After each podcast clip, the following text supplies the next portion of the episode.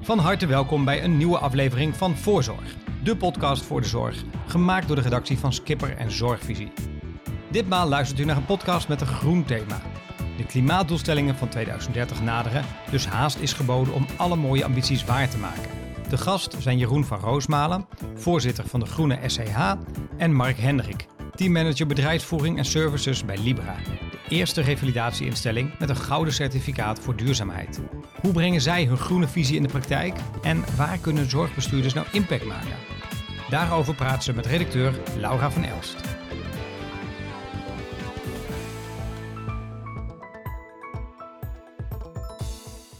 Jeroen en Mark, fijn dat jullie er zijn. We kunnen wel zeggen dat de zorgsector een vervuilende sector is, met een CO2-footprint van 7 à 8 procent. Um, kijk je dan echt naar die specifieke bergen afval, dan uh, ja, zijn vooral de SCH's, de IC's en de OK's kampioen. Jeroen, waar gaat jouw groene hart nou van bloeden? Kan je enkele hele onduurzame voorbeelden noemen? Ja, dankjewel Laura. Ja, zeker kan ik dat. Het is natuurlijk uh, toch uh, een ruime berg aan afval, wat, wat wel degelijk echt wel uh, erg storend is als je een hele dag gewerkt hebt en in de prullenbak kijkt en denkt van hé, hey, dit hoort hier helemaal niet in thuis. Ontzettende ruime hoeveelheden aan disposables. Denk aan hechtsetjes, denk aan laryngoscoopbladen, maar denk ook aan de persoonlijke beschermingsmiddelen zoals handschoenen, isolatiejassen. Heel veel daarvan is uh, disposable in het land en is uh, zeker lang niet altijd nodig. En je noemde ook wel eens al bijvoorbeeld de enorme hoeveelheid handschoenen. Dat er zelfs achter een toetsenbord getikt wordt met handschoenen. Ja, ja, ja, je ziet toch dat in de afgelopen periode uh, zijn zorgverleners, in ieder geval in de ziekenhuizen, uh, heel erg geneigd om uh, handschoenen al aan te doen voordat überhaupt de patiënt op de afdeling is. Daar zit zeker ook een stuk in wat voortkomt vanuit de coronapandemie. Maar het klopt niet, want we moeten niet handschoenen aandoen op het moment dat het niet nodig is. Precies, dus dat zijn enkele van, van die voorbeelden, wegwerpsetjes, schaartjes die na één knip of helemaal geen gebruik al in de prullenbak belanden. ja, die eindeloze bergen handschoenen. Mark, waar zit het hem in uh, bij de revalidatiezorg? Wat waren nou enkele voorbeelden waarvan jullie dachten, oeh, daar moeten we wel eventjes uh, gaan ingrijpen? Um, bij ons zit het voornamelijk in, uh, of hebben wij wat minder gebruik van disposables. Die zijn er wel, alleen waar wij vooral de nadruk op hebben gelegd is circulariteit. Hè? Dus het, het ervoor zorgen dat iets geen afval wordt door het bijvoorbeeld niet in te kopen. Uh, of bijvoorbeeld om te zeggen van, goh, laten we eens kijken naar een stukje afvalverwerking en laten we de collega's meenemen in een stukje afvalscheiding en het belang daarvan. En waar zit het dan bijvoorbeeld in bij die circulariteit? Waar moet ik dan aan denken? Uh, dan kun je bijvoorbeeld denken aan uh, hergebruik van, van meubels, een tweede leven geven, um, om daar een heel systeem voor om, op te zetten. wat je dus nadat het is afgeschreven, wat je er dan mee doet. Ja, die langetermijn producten weer een tweede leven geven als het ware. Jeroen, jij werkt naast jouw werk bij de Groene SCH als voorzitter. Uh, werk je ook in Beverwijk in het uh, Rode Kruis ziekenhuis. Ja, klopt. Je bent dus ook voorzitter bij de Groene SCH. Dat initiatief is redelijk jong, vorig jaar opgericht. Ja. Vanuit die helikopterview, hoe staat de spoedzorg nu voor ten opzichte van duurzaamheid? Nou, dat is heel moeilijk om daar echt uh, juiste antwoorden op te geven. Er zijn eigenlijk uh, onvoldoende uh, getallen over bekend. Dat is wel iets waar wij als Groene SEH uh, al mee bezig zijn geweest. En ook uh, met name in overleg met VWS uh, gesprek hebben gevoerd van we zouden dat graag weten. we hebben natuurlijk een bepaalde ambitie waarbij we zeggen van we willen in de komende jaren willen we de footprint halveren. Echter kan je dat eigenlijk alleen zeggen op het moment dat je daadwerkelijk weet uh, wat de footprint is. En dat is op dit moment is dat nog niet het geval. Ja, dus de data is nog niet altijd paraat. Uh, maar die bergen afval, althans jullie zien het natuurlijk wel in de prullenbak liggen.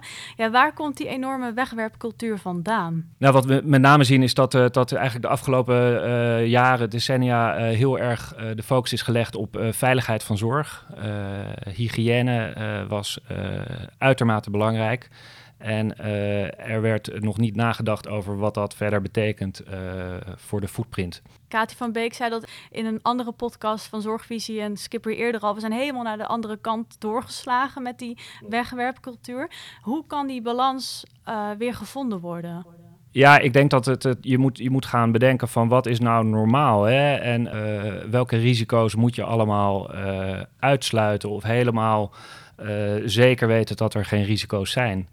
Uh, ik denk dat we ook toch moeten nadenken van ja, uh, hoe deden we dit eerder? En uh, toen waren er ook niet heel veel meer infecties of andere problemen wat betreft hygiëne. Dus altijd de vraag stellen, is het echt nodig? Mark, jij bent de manager bedrijfsvoering bij Libra. Ja, revalidatiezorg, audiologie is één van die spelers in dat web van duurzame zorg.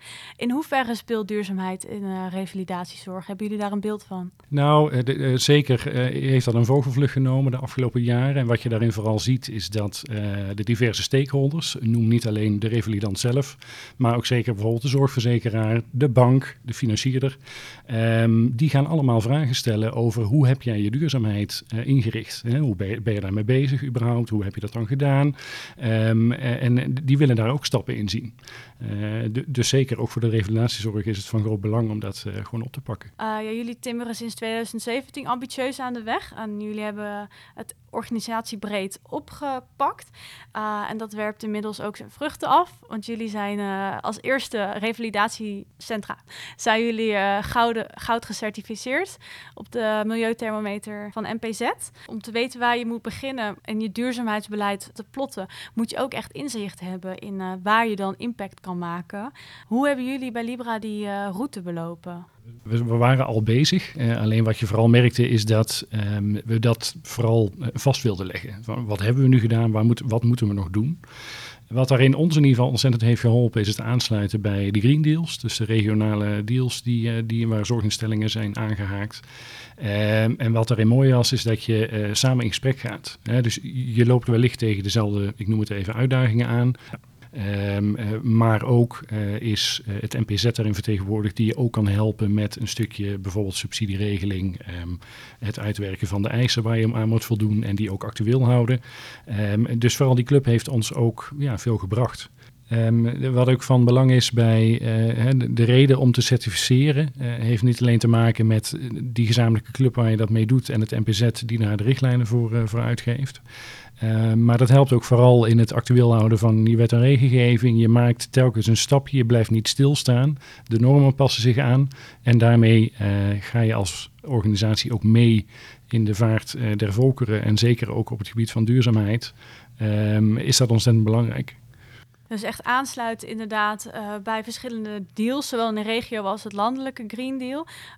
Um, dus dat gaf een beetje houvast, echt structuur. Daarvoor waren jullie ook al aan de slag gegaan. Waar waren jullie toen vooral mee bezig?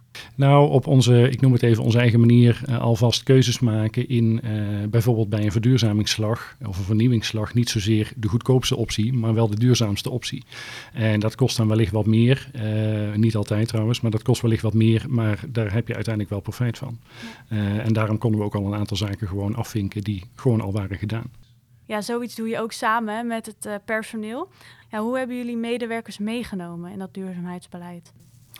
Nou, wat vooral bij ons heeft geholpen is dat um, de stappen die NPZ beschrijft, hè, dus op de verschillende onderdelen, zoals afvalbeheer, um, uh, circulariteit, inkoop, um, is het van belang, vinden wij, dat je uh, medewerkers meeneemt in de, ik noem het even, de eisen die worden gesteld. Uh, dat je ze daarvan bewust maakt en dat ze daarop ook kunnen acteren. Maar dan weten ze ook wat hun speelruimte is. Um, en, en, wat je daarin vooral ziet, is dat we uh, top-down hebben gekeken van nou, dit willen we gaan doen, dit hebben we gezegd, dit zijn de eisen. En daar uh, gaan we op acteren. Uh, en denk vooral mee in hoe we dat voor elkaar kunnen krijgen. Um, en dat, dat zie je erg, dat het het balletje aan het rollen brengt. Wat we vooral ook zien nu, is dat we nog een extra stap willen maken in het oprichten van een green team. waarin we ook medewerkers vragen om deel te nemen en dus ja, hun invloed ook kunnen uitspreken. Precies, dus jullie hebben het in de top hebben jullie het eigenlijk vastgelegd van dit willen we gaan bereiken aan de hand van de pijlers, de criteria die werden opgesteld bij NPZ. Jeroen, uh, dat is ook bewustzijn creëren is binnen jullie ABC-adagium uh, heel erg belangrijke pijler. Ja. Uh, jullie hebben onder meer ook meegewerkt aan een foto-expeditie, of expeditie, foto-expositie. It's an emergency met allemaal krachtige foto's. Ja. Um, ja, die heel tekenend waren van onduurzaamheid op de SEH. En dan met krachtige leuzen erbij als Patient Survived, What About the Planet? Ja, ja het, is een, het is een ontzettend mooie tentoonstelling die heel snel en duidelijk beeld geeft van wat er uh, gaande is. De titel It's an Emergency, het zegt al genoeg, hè? Het, dat is het ook. Die toert nu door de ziekenhuizen, toch? Ja, klopt inderdaad. Ja. Uh, wat heeft dat teweeg gebracht? Nou, ik moet zeggen, er worden echt ontzettend veel uh, positieve reacties uh, komen daarop. Op dit moment wordt die tentoongesteld in het LUMC. Dat is ook waar de foto's gemaakt zijn. Hierna zal die langs andere spoedeisende hulpen in Nederland gaan. En wat leuk is, is dat, dat er naast de positieve reacties komen er ook allerlei verzoeken binnen. Er is dus heel veel aandacht voor door het hele land. Um, ja, jullie hebben grote ambities. De Groene SCA wil de spoedzorg uh, over vijf jaar uh, de CO2-footprint gehalveerd hebben. Ja, dat is inderdaad iets wat we, uh, wat we in eerste instantie zo opgeschreven hebben. Wat ik daar in het begin van de podcast over zei, is dat halveren is natuurlijk moeilijk op het moment dat je niet weet wat footprint is. Uh, ik denk dat je de boodschap moet, uh, moet begrijpen dat we hem uh, hoog willen inzetten en dat we met man en macht willen werken om die footprint in ieder geval op zo'n snel mogelijke manier ja, significant te laten dalen. Uh, wat doen jullie allemaal binnen de Groene SCH om uh, die deadline in ieder geval te proberen te bereiken? Ongeveer ruim een jaar bestaan we. Uh, we hebben al flink wat zaken met elkaar opgepakt. Wat ik erg belangrijk vond initieel is dat voordat we starten, dat we ook daadwerkelijk in het instituut van de beroepsvereniging vastgelegd zijn. Dus we zijn ook een, een werkgroep door de ALV goedgekeurd, waarmee we dus eigenlijk indirect direct voor alle spoedeisende hulp in Nederland spreken. We doen veel aan bewustwording in eerste instantie. We hadden het net over die expositie. Daarmee zitten we ook op de socials waarmee we berichten sturen. Ander belangrijk punt waar we mee bezig zijn is onderwijs, educatie.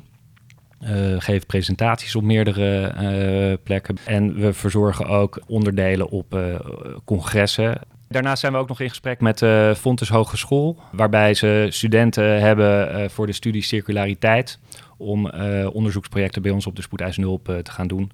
En zijn we ook in gesprek met gedragsexperts. Dus dat zijn drie pijlers waar jullie mee bezig zijn onder meer. Kan je wat krenten uit de pap halen als het ware waar hele goede initiatieven zitten? Van waar gaat het al heel goed, waar anderen weer van kunnen leren? Als een goed voorbeeld dat is dat je altijd moet kijken naar is zorg nou daadwerkelijk nodig of niet. Hè? Wat uh, tegenwoordig ook wel vaker voorbij komt als zijnde passende zorg. Uh, passende zorg is namelijk heel erg duurzame zorg. Het gaat over het voorkomen van onnodige zorg en het voorkomen van verspillen.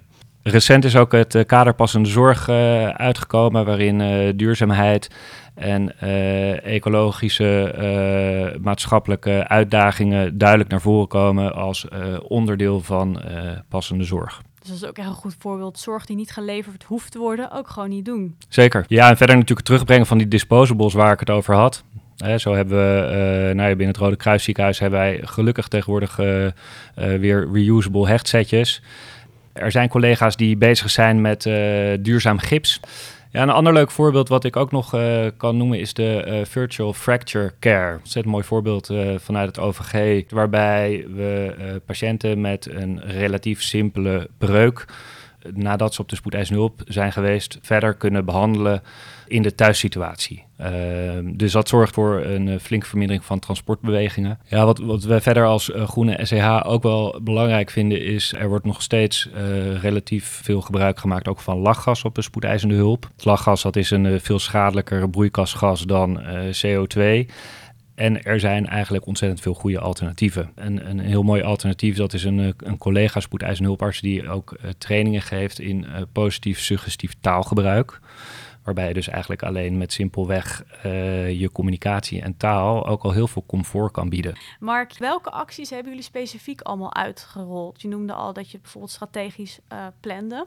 Bijvoorbeeld als het gaat om verbouwen, kan je concreet allemaal noemen wat er allemaal, of althans de grote highlights die uh, zijn doorgevoerd? Uh, nou, dat zijn um, fundamentele keuzes die je maakt. Als je het hebt inderdaad over de warmte-koude opslag, um, heb je een stukje besparing in um, verwarming en koeling.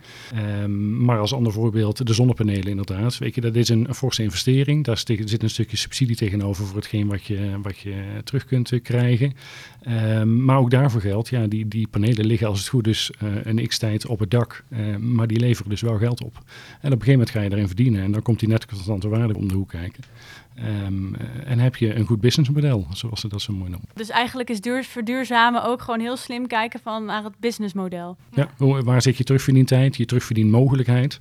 Uh, en, en hoe kun je dat uh, hard maken? Om uh, het voorbeeld van de voeding te nemen, ehm, kun je ook letten op hetgeen wat je weggooit. En wat je weggooit heb je dan wellicht te veel ingekocht, wellicht te veel bereid. Um, weet je, dat heeft allemaal oorzaken, maar omdat je ermee bezig gaat, uh, krijg je ook inzichten. En er werd net al genoemd, wat doe je met data? Heb je die voldoende? Hoe kijk je daarnaar?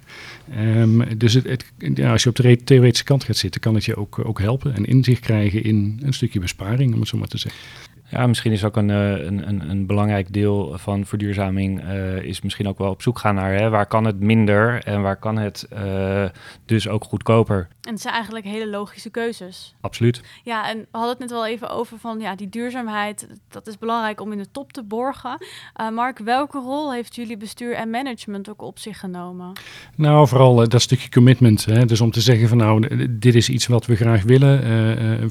stappen die je gewoon moet zetten vinden wij vanuit een maatschappelijke verantwoording ook. Dus dat wordt, die commitment wordt uitgesproken.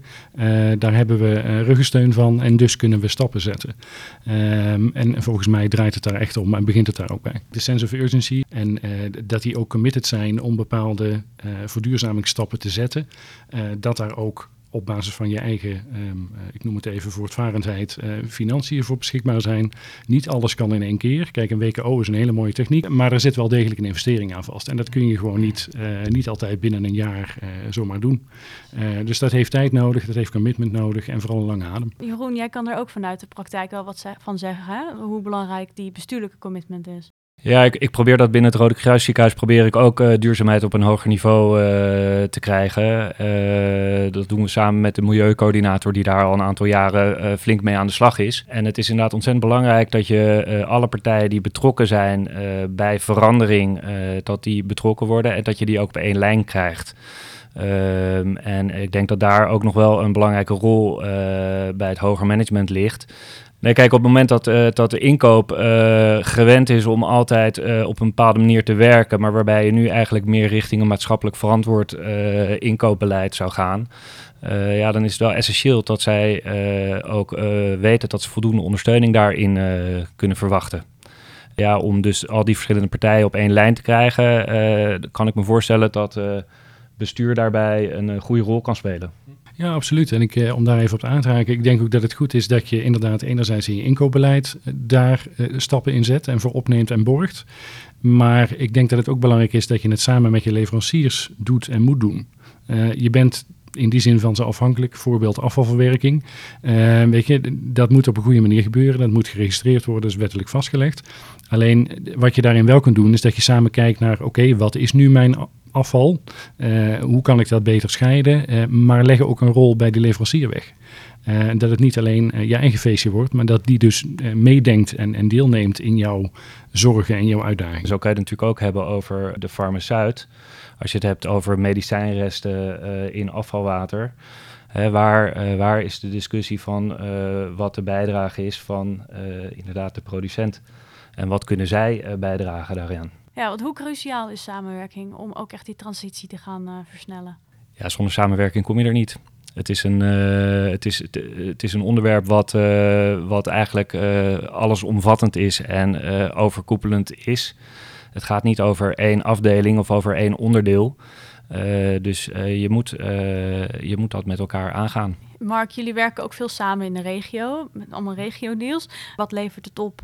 Nou, absoluut levert het, vind ik in ieder geval heel veel op. Uh, omdat je daarin ziet dat je niet alleen met gelijkgestemden zit, um, met zorginstellingen in dit geval, maar ook dat gemeentes zijn aangehaakt, maar ook dat uh, uh, andere belanghebbenden daar zijn aangehaakt. Ook al is het alleen maar niet om je te helpen dus om bijvoorbeeld de bom te noemen, is, een, is een initiatief wat, wat, wat je ook kan helpen in een stukje financiering, een stukje meedenken in een businessplan. dus als je daar gebruik van wil maken, weet je, die geef je daar ook mee een podium om die helpende hand uit te steken. Ja, wat zijn verder van die obstakels, van die beroemde obstakels die jullie zijn tegengekomen onderweg? Ehm, nou, toch wel het financiële stukje.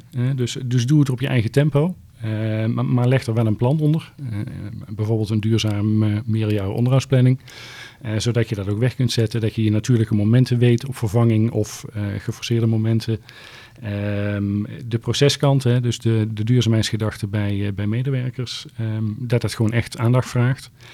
En ik wil hem niet plat slaan, maar ik denk ook dat COVID heeft ons veel geleerd. En, maar ja, het was in die zin ook een verschuiving van, van urgentie. Precies, dat er meerdere ballen in de lucht tegelijk houden was. Jeroen, waar zie jij ja, van die obstakels? Is het bijvoorbeeld te vrijblijvend? Vrijblijvendheid, dat is een, is een hele belangrijke. Twee andere zijn tijd en ook het urgentiegevoel. Als je het gaat hebben over tijd, de collega's die zich nu eigenlijk uh, actief inzetten, doen dat over het algemeen allemaal in vrije tijd. Uh, maar daarmee ga je het niet redden. Je moet op een gegeven moment daar ook tijd voor gaan maken. Het urgentiegevoel is, uh, is er nog onvoldoende. En dan bedoel ik ook met name ook op hoger niveau ook. Als je leest dat er, vorig jaar was er een stuk in de Volkskrant en daarin stond dat bij 3% van de zorgbestuurders is duurzaamheid een topprioriteit. Nou, dat betekent dat dat bij 97% niet het geval is. Terwijl uiteindelijk klimaatverandering de grootste bedreiging is voor de gezondheid waar de mens ooit mee geconfronteerd is, wordt. Uh, dus dat is wel iets waarvan ik denk van ja, daar moeten we echt wel een grote slag maken. En uh, de vrijblijvendheid is inderdaad een, uh, een essentiële. Kijk, zoals Mark vertelt over Libra, dat is fantastisch hoe ze daar voor elkaar hebben en wat ze behalen. Uh, dat heeft er wel mee te maken dat zij zelf gemotiveerd zijn om dat te doen en zelf de keuze maken om dat te doen. Uh, maar blijkbaar zijn er ook heel veel partijen uh, die die keuzes niet maken.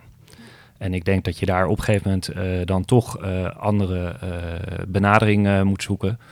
En ja, de vrij, vrijblijvendheid voorbij wordt ook wel eens genoemd hè, in andere discussies. ja, wat is er verder nog nodig om die duurzaamheidstransitie te gaan versnellen? Ja, ik denk dat het gaat over prioriteren uiteindelijk uh, uh, gaat het om de leefbare wereld waarop wij met elkaar willen leven en waarop wij ook willen dat onze kinderen kunnen leven. Kati van Beek had zo'n hele pakkende slogan die ik graag erbij zou willen benoemen en dat is Planet First, Patients Included. U sprak deze zomer tijdens het congres van Zorgvisie ook met minister Ernst Kuipers. Ja, daar vertelde minister Kuipers dat VWS de transitie wil faciliteren. Is dat genoeg? nee, want vertellen is nooit genoeg. Uh, je moet ook uh, naar daden gaan. Uh, dus je moet overgaan naar acties. Dus het is fantastisch dat minister Kuipers dat aangeeft. Echter zie ik nog te weinig terug in de daadwerkelijke plannen van minister Kuipers. ik moet zeggen dat als ik een brief lees die naar de Kamer wordt gestuurd over het integraal zorgakkoord, uh, waarin uh, de klimaatverandering niet genoemd wordt als de grootste uitdaging voor de zorg, of als een van de grootste uitdagingen, uh, dan denk ik van ja, dan zie ik dat dus niet terug. En ik denk dat juist in tijden van schaarste en in tijden van toenemende zorgvraag, dat het juist essentieel is om ook vol in te zetten op die klimaatverandering. Uh, want op het moment dat we dat niet doen, zal dat ook weer meer uh, ziektelast en meer zorgvraag met zich meebrengen. Uh, dus veel meer van woorden naar daden. Ja, Hugo de Jonge die noemde dat ook tijdens zijn commitment bij de COP26, dat, het, dat we over moeten naar daden. En dat betekent ook dat we dat moeten doen. En ja, dat betekent ook dat je het moet opschrijven. En net zoals de, de Green Deal duurzame zorg, hè, die loopt af in oktober. En niemand weet nog hoe we na oktober verder gaan terwijl het toch echt bijna oktober is, denk ik van ja, dat zou toch beter voorbereid uh, kunnen worden. Dus daar zit een groot uh, knelpunt momenteel. Uh, Gupta Strategist had in juni ook een publicatie, een onderzoek gedeeld, waarin ook werd gezegd van ja, iedereen wacht eigenlijk nog op het startschot, officiële startschot, terwijl race al lang is begonnen. En ze haalden ook aan dat VWS en zorgverzekeraars als gangmakers kunnen zijn in die duurzaamheidstransitie. Mark, um, ja, welke rol zou er voor hun weggelegd kunnen worden? Nou, ik denk dat je vooral in een stukje, ik noem het even financiering van uh, je verduurzamingsslag, uh, vind ik wel dat ze daar realistisch in uh, moeten zijn. dus wat Jeroen al terecht aangeeft, weet je, als je dat uitspreekt, moet je daar ook acties en daden tegenover kunnen zetten. en denk ik dat een zorgverzekeraar daar mede stappen in kan zetten. om dat te versnellen, om daar mogelijkheden voor te bieden. En wellicht ook om de gezamenlijkheid, dus het landelijke karakter daarin op te zoeken. Wat wel opvallend is, is als je nog kijkt naar het uh, klimaatbeleid op dit moment. dan wordt dat geschreven over meerdere sectoren. maar daar komt bijvoorbeeld ook de zorgsector komt daar niet in voort. dus je zou ook kunnen zeggen van goh, wij vinden dat het aandeel van de zorg dusdanig is dat dat ook in het algemene beleid hoort te staan. En dat je vanuit die kant wellicht een financier of een financieringsmanier zou kunnen vinden. Nou, 2030 hebben jullie al in de pocket de ambities. 2050 komt ook langzamerhand dichterbij, Mark. Uh, ja, hoe gaan jullie die route naar 2050 be uh, bewandelen? In, en in de aanloop naar 2030 uh, zitten we nu met de planning zoals die er nu is, met een stukje nieuwbouw en een stukje verduurzaming, hebben we die, die norm van 49% ruimschoots behaald. Um, maar waar voor ons voornamelijk de uitdaging zit voor 2050, uh, is dat je ziet dat we uh, in de plannen nu op een gegeven moment die verduurzame slag hebben gemaakt. Dat we gasloos zijn. Maar uh, dat we in verhouding te weinig energie op kunnen wekken om aan de energiebehoeften van dat gebouw op dat moment te kunnen voldoen. En uh, dat is toch nog even, ik noem het even koffiedik kijken. Um, ik, ik, noemde net al de energietransitie. Hoe ga je daarmee om? Welke afspraken maak je? Um, en, en wat doe je dus met de verhoogde, ik noem het even elektra-vraag van je pand? Um, en daar zitten nog wel wat uitdagingen. En daar zit voor ons nu ook de grootste, het grootste vraagteken. Ja, welke geleerde lessen zou je nog willen delen? Nou, ik denk dat het ook, ook daarop aanhakend goed is om uh, de stappen die je nu zet, hè, wat we in het verleden hebben gedaan, maar wat we nu ook nog steeds willen doen, Um, is dat we de duurzaamheidsslagen willen blijven maken. Uh, weet je, dus dat is weer een extra stapje uh, om ervoor te zorgen dat we ook uh, bijblijven en dat we niet stil blijven zitten. dus blijf in beweging. Blijf in beweging, heel mooi advies. Jeroen, welke tips zou jij willen delen om de zorg te verduurzamen? Um, ik denk dat het belangrijk is om naar jezelf te kijken. Waar sta jij, wat doe jij en welke impact heeft jouw handelen? Um, en dat gaat uh, over je professionele stuk, maar het gaat ook over uh, hoe jij verder in het leven staat. Uh, wat ik een ontzettend leuke tip vind, is Mijn Verborgen Impact. www.mijnverborgenimpact. Daar kan je aan de hand van een aantal vragen... kan je eigenlijk jouw impact redelijk goed in beeld krijgen... Uh, en kan je dus op basis daarvan meteen zien waar moet jij nou aan de slag gaan.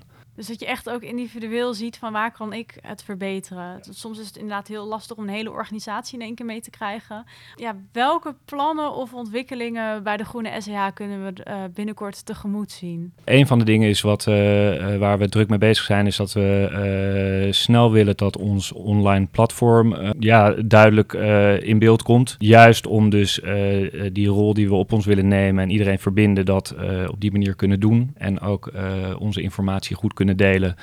Waar uh, collega's hun literatuur makkelijk vanaf kunnen halen en uh, succesverhalen kunnen delen.